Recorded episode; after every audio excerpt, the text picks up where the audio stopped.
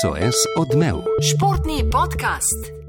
Živo moje ime je Slavko Jerič, lepo vas pozdravljamo v podkastu SOS odmev, v katerem številk delamo besede. Tokrat se spet slišimo po malce daljšem času, po treh tednih, saj smo namreč s Tonijem Grudnom čakali na konec rednega dela lige NBA in Toni sva ga tudi dočakala, živijo Toni. Ja, živijo, ja, konec ogrevanja, uh, zdaj bo šlo malo bolj za res. Dobili smo pare, saj je večino in tisti, ki zadevajo slovenski trio v MBA-ju, medtem ko moramo še ta play-in počakati, da vidimo, kaj bo za res se izcimilo. Ampak ja, zdaj se začenja za res, nekoč v hokeju, zdaj v košarki. Končno, ne, in preden gremo čez res, se veš, da bi bila čudna vdaja, če ne bi vsaj enkrat malce omenil kolesarstvo in bilo je nenavadno, ker to ni. Toni, ta teden si bil, oziroma prejšnjih dneh si bil pa ti gost intervjuja na MMC-ju in seveda o kolesarstvu, seveda e-kolesa, da povej malo več o tem. No. Ja, no, nisem bil prvič gost, enkrat sem gostoval v spletni klepetalnici v Londonu 2012, takrat sem bil idealen gost, tokrat sem bil idealen gost. Poslal sem pisne odgovore, obširne in podrobne ter urejene še za ene, dva članka. To je to, no. naj si preberejo um, Tomažov spisek o tem fenomenu, koronskem tudi. Toni, če ti lahko samo to, glavni komentator tekem Dallas Mavericks, Mark Followil, je velik ljubitelj kolesarstva. Tako da je bil je na Tour de France, spremlja Rogliča in podobne. Tako da mislim, da bi bila dobra povezava za tebe. Zanimivo, zanimivo. Verjamem, da je v Teksasu uh, kolesarstvo ima še zmeraj en močan odmevno. Vemo, zakaj je zaradi velikega teksačana, šefa, L.A. a si rekel teksačana, a fiksačana? ne, ne, to si pa ti rekel. Ja, ba je, da, mo, da je sedemkrat zmagal en lens, ampak v resnici ni. Ja, težko je to. Zgodovinske knjige se popravlja. Se vedno popravlja, kaj pa se kje popravlja tvoje števci, to ne še to te moram vprašati, ker gledam ven skozi okno. Dežuje, dežuje, dežuje, to najbrž ni dober znak za nabiranje kilometrov. Uh, ravno kar, vzelo nekaj časa pred nas, pravi v času kosila ponedeljkovega je pri nas nehalo državati. Ampak, kot sem že rekel, ne štejem več kilometrov, ampak čas na kolesu in na zraku, ne samo na kolesu. Tako da cilj je pet ur tedensko, težko je to doseči, zlasti zaradi tudi džira, pa polomljenih otroc, otrok, bah, to so druga zgodba, v glavnem. Pet ur bo postopoma, se bo tudi pomlad in poletje brez skrbi, ali pa zima, se ni važno. Da, uh, kar se potopimo se v NBA. No? Ja, imaš prav, imaš prav. NBA je seveda končnica, težko pričakovana, težko napovedana. In kot sva že pred nekaj tedni, ko je bil gost Istok Franko napovedala, da se brško ne slišimo po koncu rednega dela, in to se je tudi uh, končno uresničilo. Istok, živijo, lepo zdrav. Živijo, živijo, ja. na polno v končnico na polno končico si uh, bolj, še bolj, predvidevam, uznemiren, poln pričakovanja kot sredi sezone, gotovo. Ne? Ja, sigurno. Sezona je bila dolga, pa ob enem se jih zdaj pa kar hitro končala, ker je bilo res tekme so bile ene za drugo, tako da ta končnica je nekako vrhunc vsega za to, kar se igra. Tako da ja, veliko pričakovanj, zanimanja, predvsem ne samo za Dallas, tudi v širšem, kaj se bo v Ligi NBA zgodil, ker je bila res zelo zanimiva, pa specifična sezona. Ja, eh, res je bila specifična, zelo zanimiva. Uh, Tudi za bralce, poslušalce, spremljevalce te lige, tudi zaradi tebe, uh, v teh mesecih, te sezoni smo te spoznali kot čudovitega pisana Mouse Moneyball. Mogoče sem še vprašanje, si si preštel, koliko enih ur časa za spremljanje, za pisanje si porabil za to res. Uh, drugačno sezono tudi za te najbrž. Ne? Nisem, tudi po mojem, če bi jih pisal, žena, po mojem, ne bi bila ful vesela. Um, recimo, da je, je to 55 oddaja, da bom rekel, da jih je bilo po mojem več kot 55. To, to je vse, kar upam priznati. No. Ampak ja, kar nekaj. Ja, no, gremo kar in medije. Res, uh, Dallas je redni del sezone končal na petem mestu, bolje kot lani, ko je bil sedmi a v prvem krogu končnice ga čaka isti in še vedno zelo neugoden tekmec kot lani, LA Clippers. Uh, sodeč po izhodišču pred štartom končnice, bi morali imeti Dallas v paru 4-5 nekaj več možnosti, kot lani, ko je bilo 2-7, kaj pa pravijo tvoje številke, kaj pravi igra, ali je Dallas dovolj dober, da dobi serijo, ki je lani še ni zmogel. Ja, to je v bistvu čar končice, vsak lahko dobi. Čeprav vemo, da zgodovinsko v Ligi NBA, glede na format, ker se igra na štiri zmage, se pravi sedem tekem, best of sedem, serije, ponovadi boljše ekipe zmagajo. Um, tako da definitivno Dallas ima možnosti, je pa ta par 4-5 malo bolj vrljiv, kot zgleda na prvi pogled. Na prvi pogled 4-5 zgleda, da sta dve ekipi predvsej enakovredni. Um, L.A. Clippersi, če ne gledamo zdaj skozi klasično prizmo zmag pa porazov, ampak če se gledamo mo mogoče s, s prizmo napredne analitike, kot so v NBA-ju spremljali performance in ekipsko sezono, so druga ekipa lige to sezono pod tako imenovanim point differentialu, ne, se pravi, to je skašno razliko dobivajo tekme, um, se pravi, drugi najboljši v ligi, um, kar je definitivno se mi zdi malo boljši odraz kakovosti te ekipe. Um, so imeli pa letos, uh, podobno kot je bil to lani Dallas, ne, slabši uh, izkupiček v končnici tekem, ker mislim, da so imeli skoraj 16-18, se pravi, so več tekem izgubili, kot dobili, zato na koncu mogoče uh, mal, ma, malo slabša pozicija na tabeli, pa četrto mesto. Glede na vse ostale kazalce, je pa to druga najmočnejša ekipa v ligi trenutno. Uh, Dallas po teh kazalcih, mislim, da je glede na včerajšnjo malo slab, slabšo predstavo, je padel na deveto mesto. Ne. Tako da, rekel, možnosti so, ampak je še vsem za me osebno so Clippersi kar precej velik favorit v tej seriji. Predvsej večji, kot bi ta 4-5 mečap uh, na prvi pogled pokazal. Ja, čemu pa pris, pripisuješ uh, kar občutno razliko, ne, da so drugi na skupni lestvici v tej analitiki, ki ti omenjaš, uh, na zahodu pa vendarle v navednicah le četrti. Ka, ravno ta manjko zbranosti v končnicah, kjer so, kjer so celo slabši. Dve zadevi sta. Ne? Ena je ta, da je zahod pač tok močen, se pravi, od prvih pet ekip lige po point differentialu so prvih pet iz Zahoda, edino uh, Brooklyn je tukaj četrti. Druga zadeva je pa ta, kar smo rekli, je pa ja, porazi v tistih tekmah, ki so bile v končnici. Ne, se pravi, glede na njihov point differential bi mogli Clippersi dobiti 50 tekem, dobili so jih pa 47. Ne. To je recimo, kar statistika kaže. In ponovadi to malo obrne, obrne realen pokazatelj. Ne? Recimo, Dala sem imel podobno zadevo lani, ki je bil zelo visoko, mislim, da je bil celo peti po tem point differentialu v Ligi, končal je pa na sedmem mestu, ker so imeli zelo porazen uh, skor v uh, teh tekmah, ki so bile blizu rezultatsko na koncu in so se odločile. Ne? Zdaj, če umenjamo spet Dallas, ne, zanimivo je, če samo pogledamo golo številko uspehov, recimo odstotek zmag lani in letos, ne, je skoraj identičen, lani 57, letos 58, uh, je pa malce presenetljiv razrez, če pogledamo. Ne, uh, samo proti komu so dosegali zmage in poraze. Če pogledamo, recimo, uh, ta recimo, zanimiv razrez.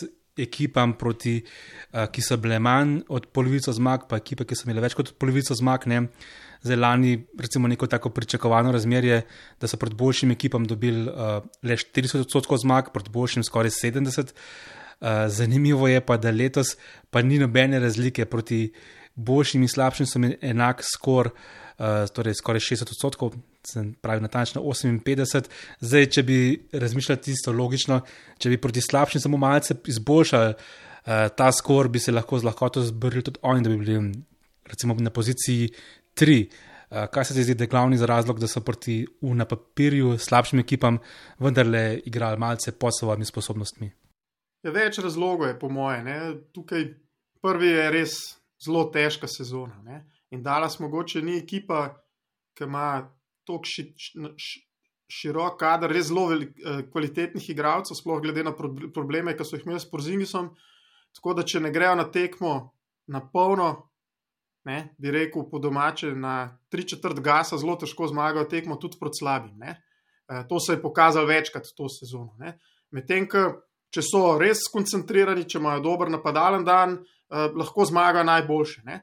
In zdaj ta odraz letos je bil po eni strani napredek naprej, ne, ker so dobili dost več tekem v končnici proti dobrim nasprotnikom, ne? po drugi strani so pa kar neki tekem izgubili. Ne? In tukaj je recimo mogoče tudi en eh, efekt našega Dončiča, ker je sploh, jaz mislim, zelo podoben kot cela ekipa. Ne? On zelo dobro igra te velike tekme, tekme, ki se prenašajo na televiziji, američani rečejo na nacionalni televiziji, se pravi na ESPN-u, TNT, v teh športnih mrežah.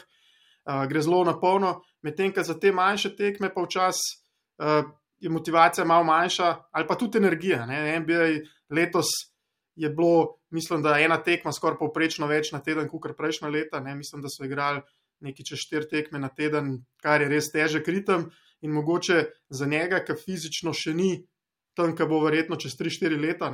Um, Je mogoče težko vsako tekmo tako na polno odigrati. Ne? In zato jim mogoče tukaj manjka, ali pa jim je manjko en igralec, ki bi mogoče v teh tekmah vlekel. Ne? konc sezone je to recimo dober uh, delo od Tim Hardove Jr., ampak mogoče je še vsem bilo mečkam premalo. Ja, eh, ta kombinacija, mogoče tudi počivanja, da so, da so zbirali, uh, da so zbirali mogoče te slabše tekme, kjer so počivali, ne, tako imenovan zaradi uh, počitka, da sta Prozingi s Padončič pošivala. Ena par tekem je bilo, ki so jih potem na ta račun proti slabšim ekipam zgubili. Slišali smo se po približno tretjini sezone, dala smo jo na začetku februarja slabo razmerje zmag 9-14, ravno se je končal ta črni niz porazov.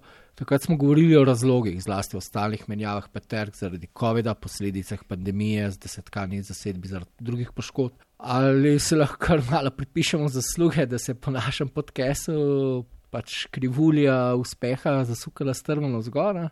ali pa dejansko no, od sredine februarja do konca rednega dela je dala si stržil izjemno razmerje 33-16, kar je dve tretjini.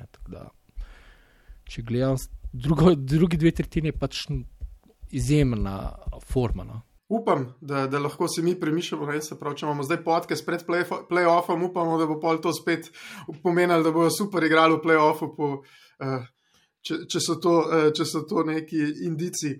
Ampak uh, bolj za res. Ja, takrat smo se slišali, da je imel uh, obdobje od 15. januarja do 15. februarja res težko obdobje, ker so izgubili daleč največ uh, tekem, oziroma uh, število tekem po igravcih zaradi COVID-a. Uh, mislim, da je bila še vedno tudi na koncu med top 3 ekip v ligi, ki so koliko tekem so izgubili zaradi COVID-a. Takrat praktično jim je manjkalo šest glavnih igralcev v rotaciji. Uh, Prozingi se je ravno vrnil po poškodbi, oni so bili od 15. Do januarja do 15. februarja najslabša obramba lige, uh, tako da je bil to res eno težko obdobje. Pol so se pa pobrali in so začeli dejansko uh, dobro igrati to drugo, drugi del sezone. Jaz mislim, da so res uh, odigrali super in tukaj se tudi vidi, so naredili, ne glede na vse kritike, ali pa recimo, če mi kritično spremljamo to ekipo. Ne, So naredili en posel, kjer so v bistvu, mislim, da v tem drugem delu peta, liga, peta ekipe uh, lige, vse skupaj. Tako da ta drugi del sezone je bil res uh, zelo dober.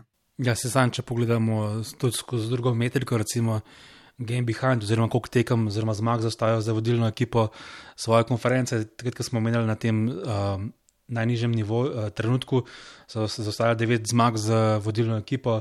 Zdaj, jaz sem nekako predvideval, da bo devetkrat tudi ostala, ker sem nekako mislil, da je to le zadnji tekom proti Minnesoti bodo dobili. Ampak, ok, uh, desetkrat skoraj praktično vseeno, uh, zelo dober tempo. In večkrat, ko sem te gledal po Twitterju, ko si uh, pisal istok uh, nihanja obrambi, ne, so tudi prišla tista obdobja, ne, recimo 5-6 tekem zapored, ko so pa tudi kar naenkrat, recimo v teh kratkih časovnih razmakih, kar zelo slabi bili v obrambi in to se je tudi odražalo potem na njihovih zmagah. Ja, ta nihanja so kar velika, se pravi, umenil sem, oni so dobro začeli sezono, potem je prišel ta črni mesec, kjer so bili daleč najslabša ekipa lige v obrambi. Potem so imeli en mesec zelo dober, kjer je cela ekipa, cela prva peterka s Porzingisom, z vsemi praktično uh, bila nazaj in so super igrali, potem je pa prišel spet en padec. Ne.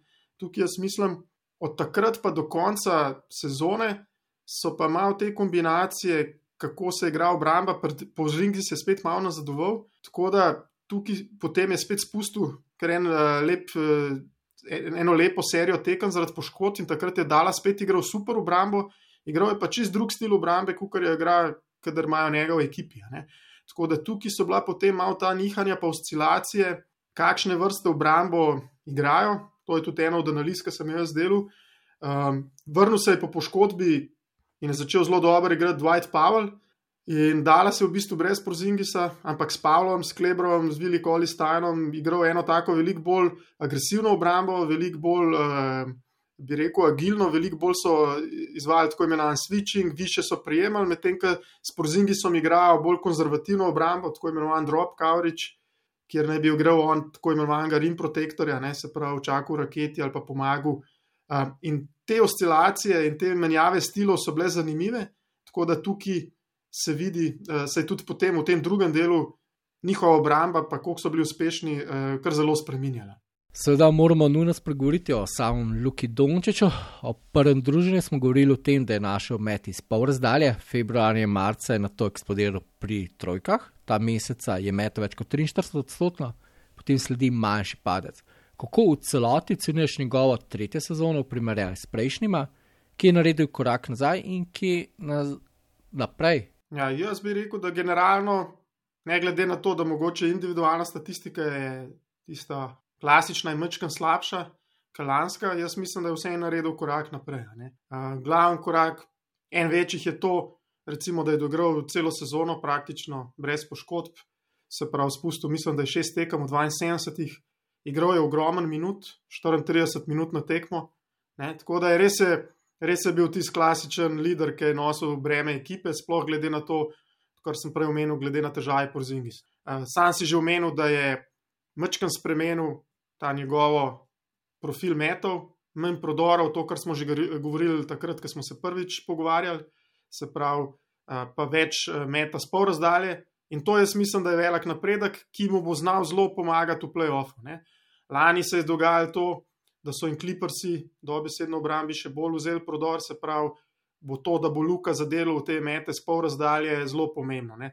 Letos je teh metov bilo več, pa veliko bolj natančen je bil pred njimi en boljših v ligi v metu s pol razdalje. Sam si omenil tudi uh, trojko, se pravi med z razdalje. Tudi tukaj je napredek, ne končal je sezono, mislim, da na 35%, kar je boljš kalani. So bile pa še vedno te ogromne fluktu, uh, fluktuacije, tako kot si omenil. Ne. Začel je 1. decembr 9%, potem januar 33%, pa dva nora meseca po 43%, in zdaj pade zadnja dva meseca. Ne. Tako da sploh ta zadnji mesec maj, se mu je poznal, se mi zdi, ta težka sezona, velik minut. Uh, tako da upamo, da bo teh pet dni pred playoffom, da se bo lahko spočil in igral na polno. Jaz sem sam malo računal, da ga bojo mogoče tudi eh, to zadnjo tekmo proti Minnesoti, da bo počival, da bo imel cel teden za regeneracijo. No, pa so na koncu igrali tako, da bi vsi počivali. tako da, um, v bistvu, overall bi jaz rekel, da, da, da je napredoval, no? da je napredoval, čeprav mogoče ta glavna statistika to ne kaže. Ampak predvsem še ena zadeva, no, to, da so eh, Slavko imeli enak procent zmag kot lani, ampak ob tem zelo težkem štartu, ob vseh teh težavah, ob težavah Porzingisa. Je on vlekel to ekipo v bistvu in so več, ekip, zma, uh, več tekem zmagali brez Prozingisa, kar je bil lani velik problem. Ne. Lani so zelo težko uh, zmagoval tekme, če je eden od Dončiča ali pa od, dvojca Dojčiš po Zingis ni igral. Ne?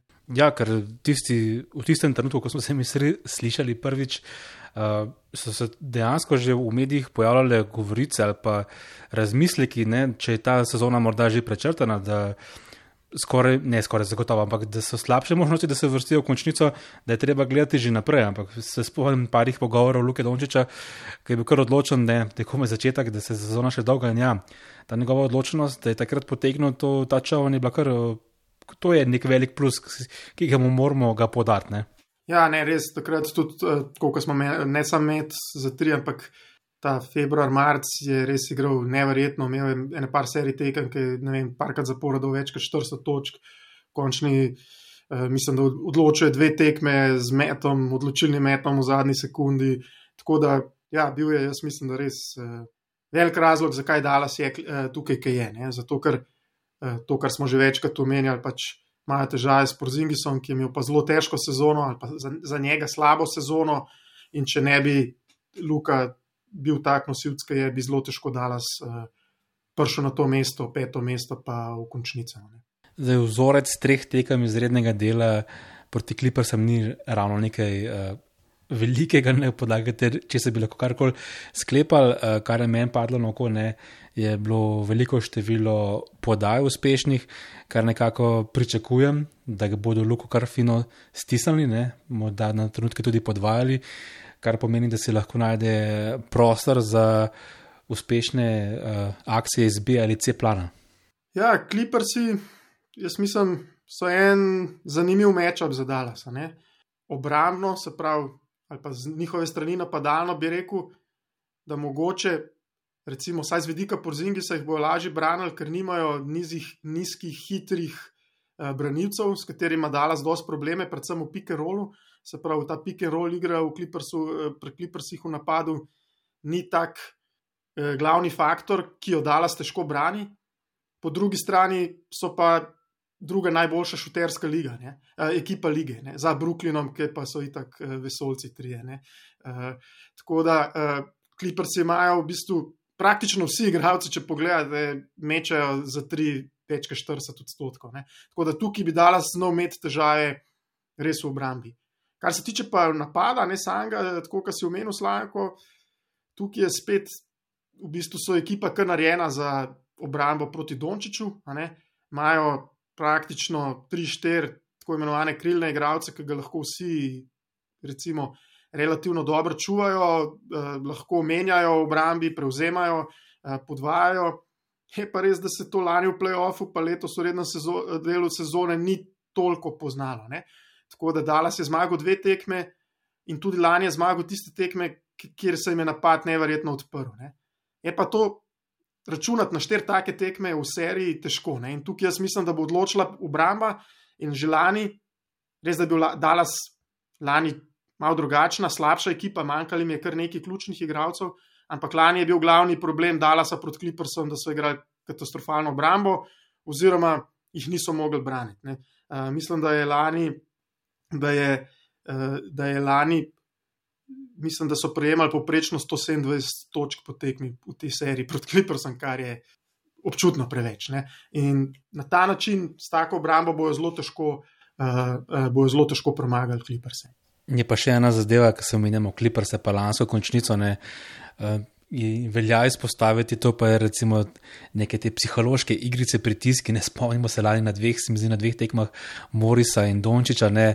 Jasno je, kdo je prva violina Dalasa, če na njega poskusiš pritisniti, da morda ti to gre v plus, pričakuješ letos kaj podobnega in strani provokacij in strani, da se to lahko luke dotakne. Definitivno. Jaz mislim, da definitivno Clippersi so ekipa, sploh Moris, eh, dosti fizična in to je zadeva, ki poskušajo praktično vsi na Luki. Ne, se pravi, mislim, da bodo oni rotirali teh štiri različne krilne igralce, od Batuma, uh, ki so ga letos dodali, do Morisa, potem v končnici tudi Pola Džordža, Kawaja na Luki, potem imajo tukaj še drugo varianto z Patrikom Bellerjem, kjer mislim, da bodo poskušali, ne vem. Že pri prenosu žoge zelo agresivno, ne? on je tak igralec, ki bo prišel noter, pa bo sigurno probo za agresivno obrambo. To, to so taktike, ki jih je Luka v bistvu tudi navaden, ampak to ne pomeni, da ne bojo poskušali. Jaz sigurno mislim, da bojo poskušali in to je v končni fazi playoff, kjer se igra in bo sigurno kakšen težki favli padli. Tako da na to mislim, da, Luka, da bo tudi pripravljen. Seveda, en igralec ni dovolj za zmago, Luka bo vseeno brško ne prispel svoj delež, a veliko bo odvisno od steklenega Kristapsa Porzingisa, ki si ga že veliko omenil, izpostavil njegov vpliv, ne vpliv na igro in uh, posledični uspeh Dalasa. Še vedno visi ta vprašanje, koliko je sploh zdrav, koliko je v formi, pač vseeno pa je naj bi bil odločilen igralec v lovu za to tako želeno napredovanje in če enkrat napreduješ, si pa ne nazadnje tudi že v igri za naslov. Se bo torej Unicorn prikazal v takšni podobi, kot smo ga videli na prvih tekmah lanske končnice? Jaz mislim, da problem Prozingisa letos največji ni napad.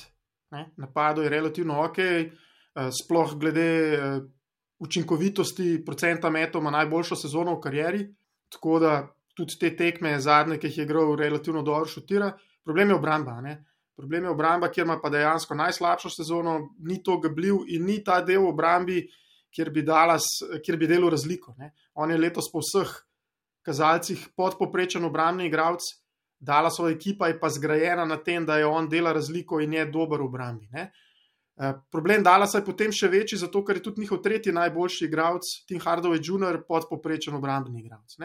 In zato Karlaj, trener, skozi kombinira med obrambo in napadom. Ne?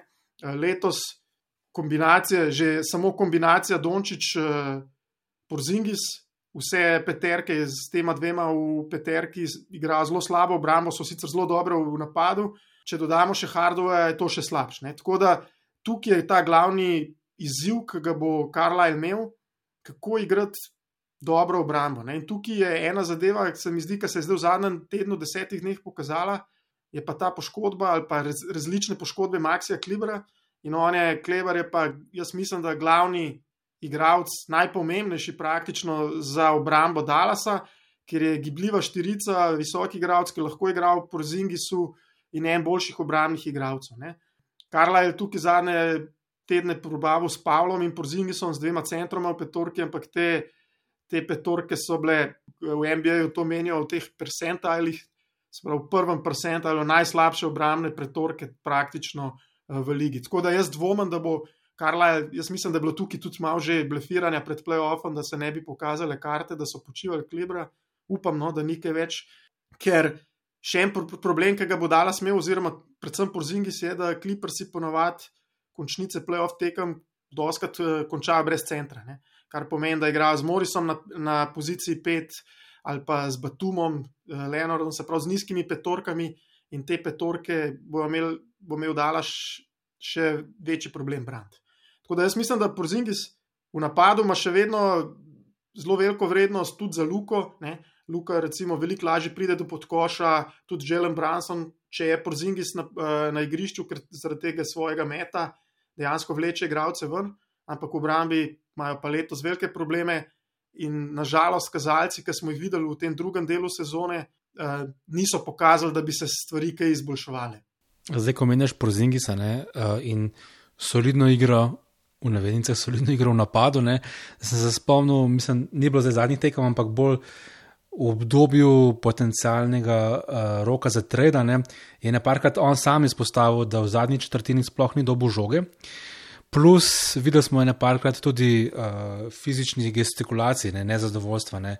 Se ti zdi, da je bilo to bolj produkt tistega časa, strahu, da bi bil morda treden, a da se je bila kakšna slaba kemija, ali se ti zdi, da je zdaj, na, na tem področju to zdaj ok? Jaz mislim, da ta kemija že celo sezono ni najboljša. Ne? Če smo pošteni, pač porzingi smo res težko sezono. Prvo je eh, direkt po operaciji meniskusa, brez priprav. In jaz mislim, da on fizično ni ok celo sezono. Zdaj vprašanje, ali je to dejansko neka regresija, ki bo dolgoročna, ali lahko ena sezona, recimo poletje, če bo prišel brez poškodb, delo na telesu in potem šel naslednjo sezono normalno, če lahko uh, kaj tega povrne. Tako da jaz mislim, da veliko frustracije iz njegovega osebnega počutja. Druga zadeva je, da se je začel sezono brez njega, potem se je vrnil, vmes je spet zgubil neki poškodb, tako da Dala si igra kar predvsej drugačen stil, kot prozingi se ni, ne? ki je še veliko velik bolj odvisen od luke. In mogoče so bile te njegove frustracije tukaj, da je on dejansko v dostih teh tekmah kot eden od igralcev, en sistemski igralec, ni pa tista druga violina ali pa on bi včasih rad bil celo prva. Ne?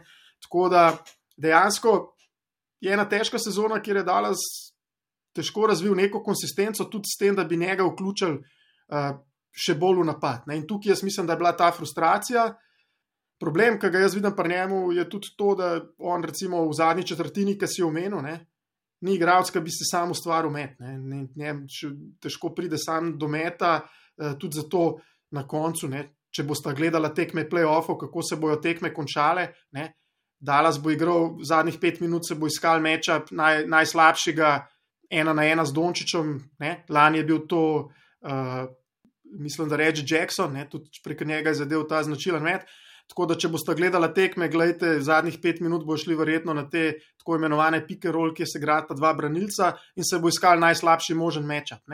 Medtem, če igrajo pike roll s Porzingisom, klipr si ponovadi prevzemajo, no on ni igralec, ki bi znal kaznovati ta mismeč. Ne? Tako da, uh, Carlisle zadnje par minut ali pa četrto četrtino, ta playoff košarka, veliko več igra s kombinacijami branilci, Dončić, Branson, uh, Tim Hardaway Jr. in potem po prodoru nek, uh, nek šut iz razdalje. Ne. Tako da, uh, ja, in ta njegov najzadovoljstvo v tej sezoni se je to še bolj pokazalo. Ne. Se pravi, on v zadnjih minutah ali po zadnji četrtini bolj kane za to, da dela spacing na igrišču in zadene kakšen med z razdalje. Ne.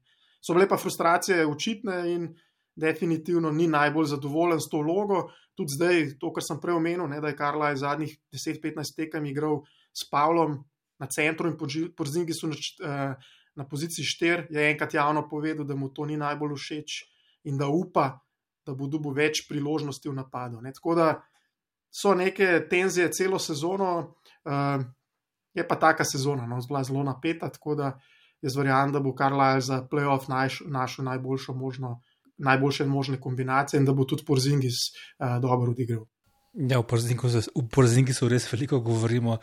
Verjamem, da Mark Cuban se je lotil tega posla, da je verjel, da kombinacija Evropska Dončić Porzingis, da bo to deset let eh, na tej kombinaciji dala stemeljiv. Jaz se bojim, da temu ne bo tako. Uh, ko pa smo v nepričakovanih rešitvah, ne Hardove, vemo, kako je prišel klub, odkar stolni imamo ta podcast, zmeraj ugibava, a bo Hardove igralec številka tri ali ne, zdaj se je kar razvil v tem zadnjem času, res kot vsaj v napadu, v menu si šibko, šibkosti v obrambi, kot kar zanesljiva rešitev. Je, so pa ta nihanja, ne, videli smo samo ta mesec, zadnji mesec srednjega dela, da lahko zadene po deset trojk, lahko pa od osmih metrov zadane enega. Ne. Kako stabilen se ti zdi on, recimo v playoffu, kakšen kamaček bo on imel proti Clippersom? če gledamo lansko sezono, lanski playoff je imel izredno slabo, imel izredno eh, slab playoff. Ne?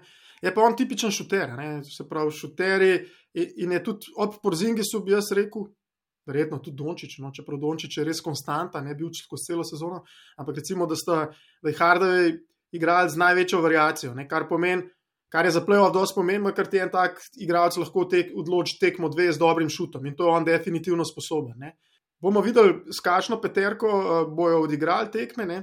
Ker lani so imeli problem v tem, da sta igrala v prvi peterki Hardove in Curry in dobi, zaradi napada, in potem je en od te dvojce v obrambi mogel držati Pola Georgea, kar je bil, ne glede na to, da je George igral relativno slabo, uh, bil kar velik problem. Letos so za ta namen pripeljali uh, Josha Richardsona kot tistega upgrade v obrambi, ki je imel pa tudi slabo sezono, ne? bil kar veliko razočaran v napadu.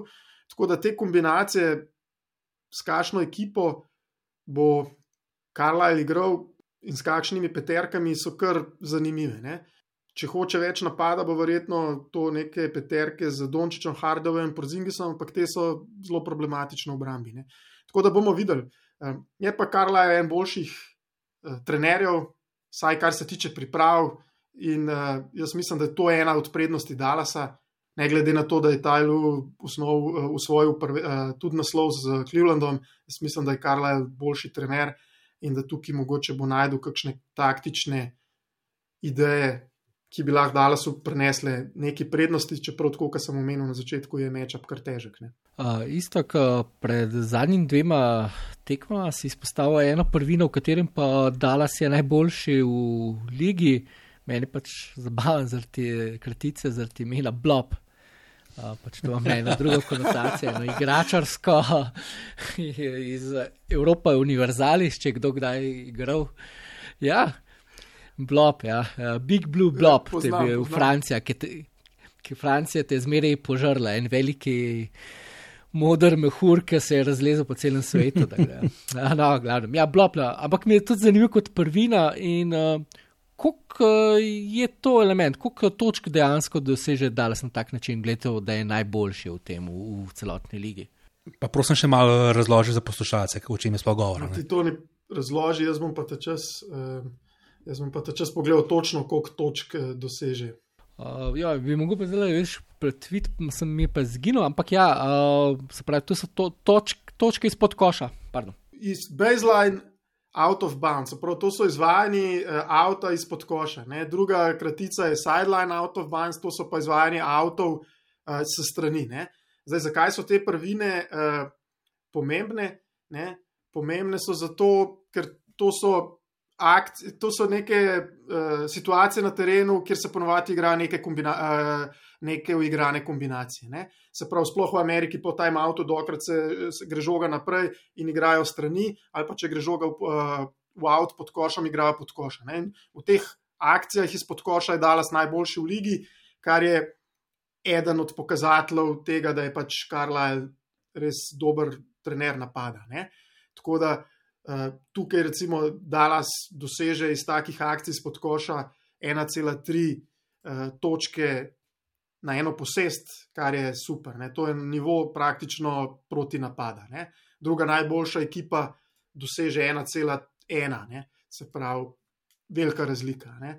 Tako da to je to, kar sem prej omenil, ne, da take kombinacije so v playoffu še veliko bolj važne, veliko bolj naštudirane, eh, veliko več kombinacij se igra, se pravi, vse prekinitve, um, te tako imenovane ena kratica je ATO, ne, out of time out, vse, se pravi, kjer so spet igra ponovati neke uigrane akcije. In uh, tukaj je Karlajl res mojster, uh, zna zrisati, ali pa američani rečejo temu XNO, ne, se pravi, zna te X-e, križce, pa krokce po, uh, narisati, da se zložijo tako, kot treba na koncu. Uh, super, uh, gremo še malo na samo splošno playoff, oziroma končnico. Prvič v zgodovini imamo play-in turnira. Proti zaključku rednega dela je bilo razumljivo, vedno več govora o tem, o tej novosti, ali to sploh smiselno ali ne.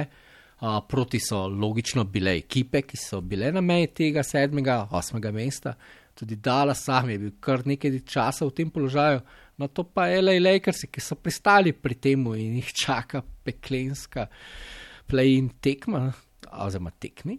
Kako se tebi zdi to vrstna rešitev za popestritev tega prehoda med rednim delom in štartom končnice? Meni osebno to je bila tudi ena zadnjih analiz, ki sem jo delal. Um, Men, začel sem jo pisati takrat, ko je bil Dallas v play-in poziciji in kjer je bilo kar nekaj zanimivih izjav, kjer je prvi Dončić rekel, da, da se mu zdi nepošteno, potem je Kuban rekel, da je plin napaka, čeprav je sam glasoval za to. Uh, ko so bili sedmi, se vsem zdel napaka, ampak jaz mislim, da je bil za Dallas dejansko dober. Ne? Če se niso, no to bomo videli, ker Dončić je dejansko zgledal malo strošen na koncu, če se bo uspel regenerirati, potem jaz mislim, da ni bil napaka. Zakaj? Ker so zadnje tekme zadnji mesec sezone, do pred zadnjih pet tekem, so bile vse tekme skoraj praktično playoff napetost. Ne? In tukaj so izvajali, da Dončiću so ekipe igrale, vse ekipe imeli so serijo dveh tekem z Lakersi, ki so bile dejansko so odločile tole na koncu, kje so bili zdaj eh, končali Lakers in kje Dallas, kje Dallas obe tekme dobu. Tiste tekme so se igrale, kaj playoff, se pravi, so se igrale obrambe, kjer so različne kombinacije obramb na Dončiću igrali. In tukaj jaz mislim, da je Dallas uh, imel dost uh, dosti tekem, kjer so se naučili pa so dobili nekaj izkušnje za tekme, kot se bojo igrali v playoffu. Tako da to se mi zdi ena zadeva. Um, zakaj je bilo to zadala z dobro, ker so dejansko imeli kar velik eh, nek eh, vaje, se pravi, v okolju, kot bo v playoffu. Za samo ligo se mi pa sploh zdi v redu. Ne? Če pogledate do včeraj, do zadnje tekme, praktično nismo vedeli, tekme so se odločale, uh, vse tekme so štele in to je imel NBA velike probleme. Ne? Velike probleme je imel da so zadnji mesec ponovadi ekipe tako imenovane tanking, ne, se pravi, namerno zgubljale zaradi drafta. In tukaj je bila ta kombinacija, ki so jih naredili v zadnjih dveh letih z reformo drafta, se pravi, da so malo zmanjšali možnosti za tiste najslabše ekipe. Ne. In s tem play-inom so mi zdeli, da so zadeli zelo super kombinacijo, da je praktično razen petih ekip, mogoče štirih, petih ekip, so vse ekipe do zadnje tekme praktično imele za neki igrati, kar je pa za NBA super. Ne? Zdaj ta play-in. Ja, um, Zanimiva je ta situacija z Lakersi, ne, ki so padli na sedmo mesto in bojo mogli zdaj igrati z Golden Stateom. Ampak v bistvu je tudi zaradi takih situacij, kot so Lakersi, ne, je ta play-in v bistvu dober. Ne. Oni so v bistvu izgubili dva igralca, Leblona Jamesa in Antona Davisa. Če bi jih izgubili še za teden več, bi praktično lahko padli na 9. 10. mesto in play in bi jim omogočil, da tako dobre ekipe, ki so prizadete zaradi poškodb, še vse imajo možnost za playoff. Ne? Tako da mogoče, ne glede na to, da Lakers zdaj ni všeč, je pa mogoče play in ravno zaradi takih situacij, da mogoče neke ekipe, tudi tako, kot je bil Dallas, ne? ki jih poškodbe ali pa letos je bil COVID res prizadeno, da jim da možnost, da še vse nekako pridejo v playoff. Je pa res, da recimo v primeru klasične končnice, najboljših osem ekip, da se uvrsti v končnico, ne, bi bilo jasno, da bi že zdavne, da bi bil Dallas zraven. Se mi zdi, da v tem primeru bi nam rekel šli bolj lagano, ampak uh, manj intenzivno, manj energije. Uh, mal bolj bi se nekako uh, tudi morda vrčevalo luko, zdaj pa bi bil skoraj, kot, kot si že samo menil, bil že nekako uh, zadnjih kar nekaj tekem je bilo na nivoju igranja v končnici. Plus je to, kar se je rekel, lahko pozitivne izkušnje, negativno pa morda iztrošenost. Ampak ja, je pa definitivno ta bonus nagrada skoraj en teden uh, počitka. počitka ja, definitivno to, da so prišli na peto mesto, oziroma tudi če bili šesti glavna, je to, da so dobili zdaj teh dodatnih pet dni, da se bo igral play in počitka. Ne? In jaz mislim, da tukaj od počitka plus čas za pripravo je to uh, glavno. Ne? Koliko pa spremljaš še ostala slovencev v MBA-ju, Gorana Dragiča in Vladka Čančarja in kaj od njih, oziroma od Miamija in Denorja, pričakuješ v končnici? Obe dve ekipi imata najviše cilje. Ja, jaz mislim, da sem spremljal predvsem manj podrobno kot Dallas. Spremljam pa tako kot celo ligo NBA, predvsem Miami. Mislim, Čančar je malo manj, ker pač ne igra neke velike vloge, zdaj zadnje tekme. Sem tudi pogledal neki od teh tekem, kjer je dejansko dobil priložnost, kjer je Denver že malo počival ne, za playoff. Miami pa zelo zanimivo, ne. tudi oni so imeli eno tako turbulentno sezono kot Dallas, veliko težav s COVID-om, komi so se izognili tega play-ina, zdaj, če se ne motim, za nagrado dobili Milwaukee. Ne. Tako da to bo ena, za me osebno, najbolj zanimiva serija prvega kroga, kjer bo ker je dejansko zelo velik na kocki. Uh, Milwaukee je velik sprememb naredil po lanskem debaklu, ki so grdo izpadli v drugem krogu proti Miami, ravno. Ne? Tako da Milwaukee je naredil velik sprememb, uh, prepeljali so Drewa Holidaya kot tistega tretjega igralca, spremenili so, ne recimo, zanimivo, igrali so zelo podoben način obrambe kot Dallas. Z Lopezom v tem odropu, se pravi pod košom, malo prevzemanja, zelo konzervativno leto, so celo sezono, ker je njihov trener bil pod kritikami, da ta obramba za playoff ni dobra, so praktično zaradi tega trenirali nove načine obrambe in bo zanimivo, kako bojo proti eh, Miami odigrali. Ne. Je pa mogoče Miami za njih res en tak ahilova tetiva, težek, eh, težek nasprotnik. Ker imajo res gibljive centre, Bema, Debaja, ki lahko prevzame Janisa, eh, Jimmyja Butlerja, ki je super obramben igralec. Tako da ta serija za me osebno od Dallas Clippers res ne samo zato, ker igra Dragič, ampak mislim, da bo najbolj zanimiva serija prvega kroga. Ne. Ok, si zdaj upamo uh, pogledati na konec, čez par tednov, oziroma par dni, skoraj dva tedna, kako se bo uh, končala serija. Jaz moram povedati, da se mi zdi, da bo kar enak izid kot lani, govorim se o seriji Clippers uh, Mavs.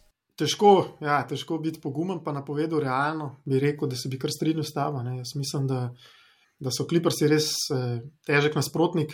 Ena stvar, ki gre danes na roko, je, da so boljši kot lani. Recimo, ne, lani je zelo manjko Jalen Branson, Pavel je bil poškodovan, Willi Kolistein, tako da oni so veliko tekem igrali z Bobanom, ki je zelo specifičen igralec. Na drugi strani so izgubili Seta Krja, ki je bil ki je zlanski zelo dobro odigral serijo. Eh, na drugi strani Paul George, veliko boljšo sezono kot lani. Upam, da bo dal kakšno izjavo, spet playoff P, da se bo vrnil, da bo se potem lani, lani, lani je praktično celo sezono, je bil to glavna šala uh, vseh igralcev, so se spravili celo letošnjo sezono na njega, zaradi lažjega playoffa, tako da on je izredno motiviran. Ne? Tako da, ja, realno bi rekel, da bi se kar strinjal s tabo. Ne bo pa veliko odvisen, ok, jaz mislim, kako se bo Luka regeneriral, ker zadnjih par tekem je res izgledal precej zmatran. Potem pa kako, kdo bo zadevo mete za tri. Kliprsi eh, imajo en problem, ne, mogoče, ob, ob, ne glede na to, da so ena boljših, eh, kot sem prej rekel, druga šuterska ekipa, da zelo težko pridejo pod koš, ne igrajo, igrajo dost take izolacije na Kawaii Leonarda, na Pola Georgea in so zelo odvisni od šuta. Ne. Zdaj v rednem delu sezone jim šuta med zelo dobro na roko, Ampak tukaj jaz mislim, da je recimo, ne, vemo, da med za tri točke pa zelo varira. Ne, in tukaj, če bo Dallas dober zadev, pa kliprsi manj, je dala svojo priložnost. Ne, letos, recimo, te tri tekme, ki si jih omenil, čeprav ponovadi redni del uh, ne, omenja velika. Ne? So kliprsi v dveh porazih na prvi tekmi so metali 8% za strojke, na drugem, ki so izgubili 29, ko so zmagali, pa, pa veliko boljša. Uh, mislim, da nad 40. Ne? Tako da tukaj je ta priložnost, ne? bomo pa videli. Ne? Bomo videli, ampak realno, jaz mislim, da bo težka. Um, bomo pa vsi držali pesti, da, da Dallas ali pa da Luka naredi še kakšen čudež. Ne? Je to bila res nenavadna sezona. Mislim, da je bila to sploh prva zmaga v sezoni Dallasa proti Clippersi in to še za 50 točk. To nisi ti kaj bolj optimist uh, iz stališča Dallasa in razpleta te serije? Ja, jaz sem kar ustrelil, 4-3 za Dallas. Naj bo sedma tekma, da bo malo spektakla. Um, še to vprašanje za isto. Hotel sem reči, da upam, da se, bo, uh, da se bo ta naša tradicija, da po podcestih, naših podcestih, danes uh, preno, prerojen odigral, da se bo pono, uh, ponovil v play-offu. E, enako upamo, da, pač, da bo malo daljša končnica, ne samo z Goronom, ki se strinjam, da bo pač ta serija z Janis, Butler in tako naprej. To bo res, res najbolj zanimiv par trenutov. No? bomo videli, kaj bo še plejini prenesel. Uh, kdo pa je zate, uh, kdo stopa kot prvi favorit v uh, končnico na zahodu in na vzhodu? No? Da ima podkrepljen z številkam, pa tudi z zdravjem in pripravljenostjo. Ja, jaz mislim, da je to čar te sezone, ne? da je zelo težko rečemo, kdo je glavni favorit. Ne? Če bi gledal sezono, definitivno ne, je recimo Utah je najboljši odigral celo sezono, drugi so Clippers in Phoenix. Ampak recimo, da ne vem, mogoče Utah in Phoenix nista ekipe, za katere bi rekli, tudi strokovnjaki se strinjali, da so favoriti za naslov. Ne? Tukaj imamo dve ekipi, ki sta neverjetno, ki sta ve, ve, verjetno bila pred sezono favorita, ne? to so Brooklyn in Lakersi. Lakersi so imeli probleme s poškodbami, ampak zadnje dve tekme, ki sem gledal, ki sta bila Lebron in Anthony Davis nazaj, so izgledali zelo v redu. Tako da jaz bi še vsem stavil na Lakers na zahodu, na vzhodu je pa Brooklyn, nora ekipa, kar se tiče napada. Imajo res, ampak so igrali, mislim, da vse ti tri igravci, manj kot deset tekem skupaj, se pravi Harden, uh, Durant, pa Kyrie Irving. Jaz tudi mislim, da iskreno, da to, da niso šli čez neke res težke preizkušnje še skupaj, da jih zna to v playoffu uh, kuštati. Tako da bomo videli. No. Ne bi rekel, da so to izraziti favoriti, je pa res, da tudi ostale ekipe, vsaka ima neko vprašanje. Ne. Se pravi, Filadelfija z Embidom, Benom Simonsom, vprašanje.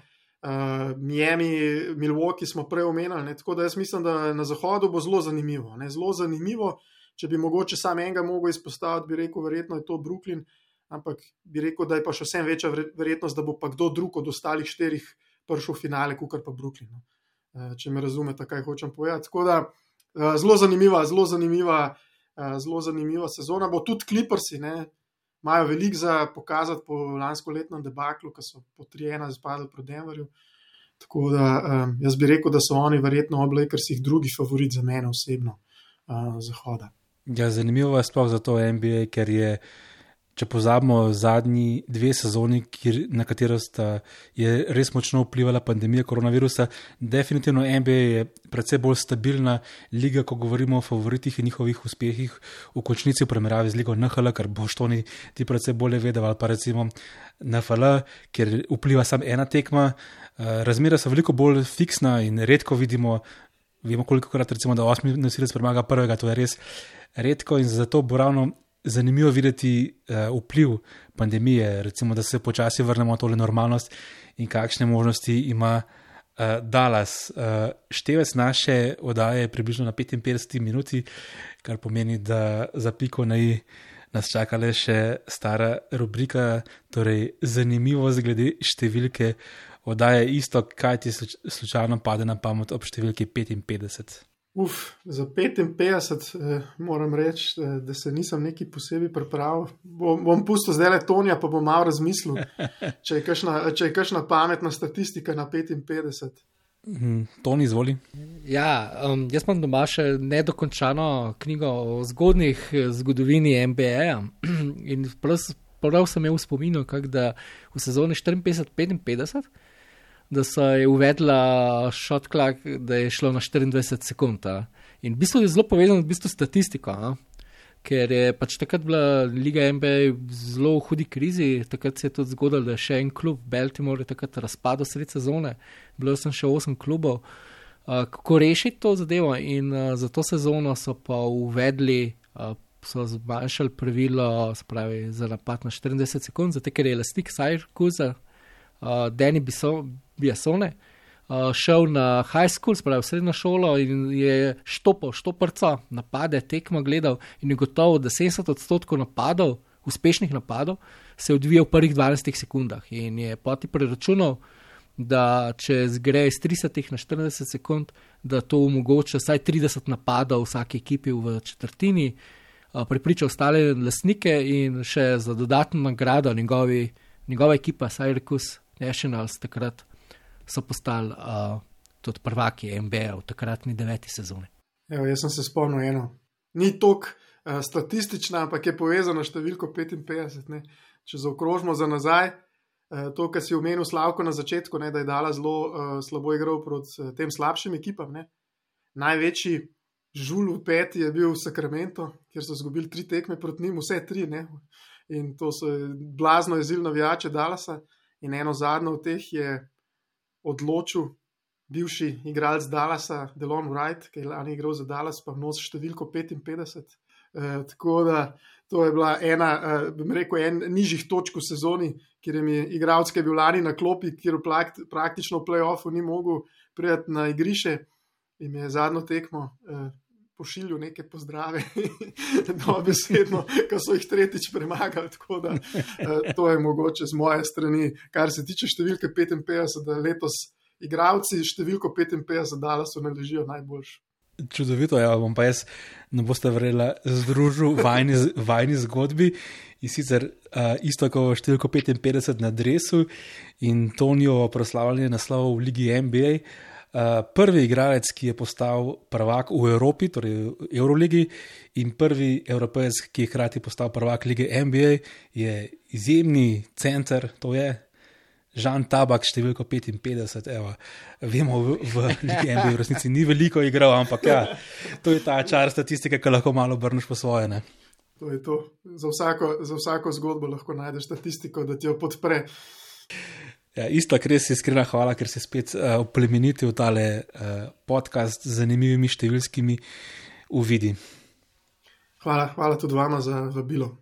Enako, ja, in uh, nič, uh, naslišanje že malce prej, uh, če bo vse poplavno in ne bo preveč uh, državalo, kljub majski nedeli, se slišimo in vidimo ob, v Brdih, ob kolesarski dirki po Italiji, ki zavije v Slovenijo takrat uh, načrtujejo slavko malce reportažni podcast. Bom povedal, malo je slab vreme napovedano, ampak verjamem, da bo jih takrat sijalo sonce ali pa saj primerna streha se našla. Evo, isto, sem še ena trivija vprašanje. Uh, malo smo se hecali, da po naših uh, oddajah dala si igra bolje, bomo videli, če bo to res. Če se to res uresniči, uh, kaj bi raje videl, recimo, da Dallas letos igra v finalu lige NBA ali da Luka Dončić igra recimo v kvalifikacijah za olimpijske igre in Slovenijo popelje v Tokio. Uf, zdaj me kot ljubitelja NBA si me postavil pred težko uh, vprašanje, me bojo obtožili uh, pomankanja patriotizma. Ne? Tako da sam kot ljubitelj NBA bi raje videl, da Dallas igra finale, ampak uh, bi bilo pa tudi zelo lepo, ja, če, bi, če bi igral v kvalifikacijah. Tako da bom, se bom tukaj izmuznil. No. Upam pa, da se spet, uh, slejko pred spet slišimo v tej vdaji. Hvala ti še enkrat, živa. Hvala. Okay. Živa naslišanje. SOS odmev. Športni podcast.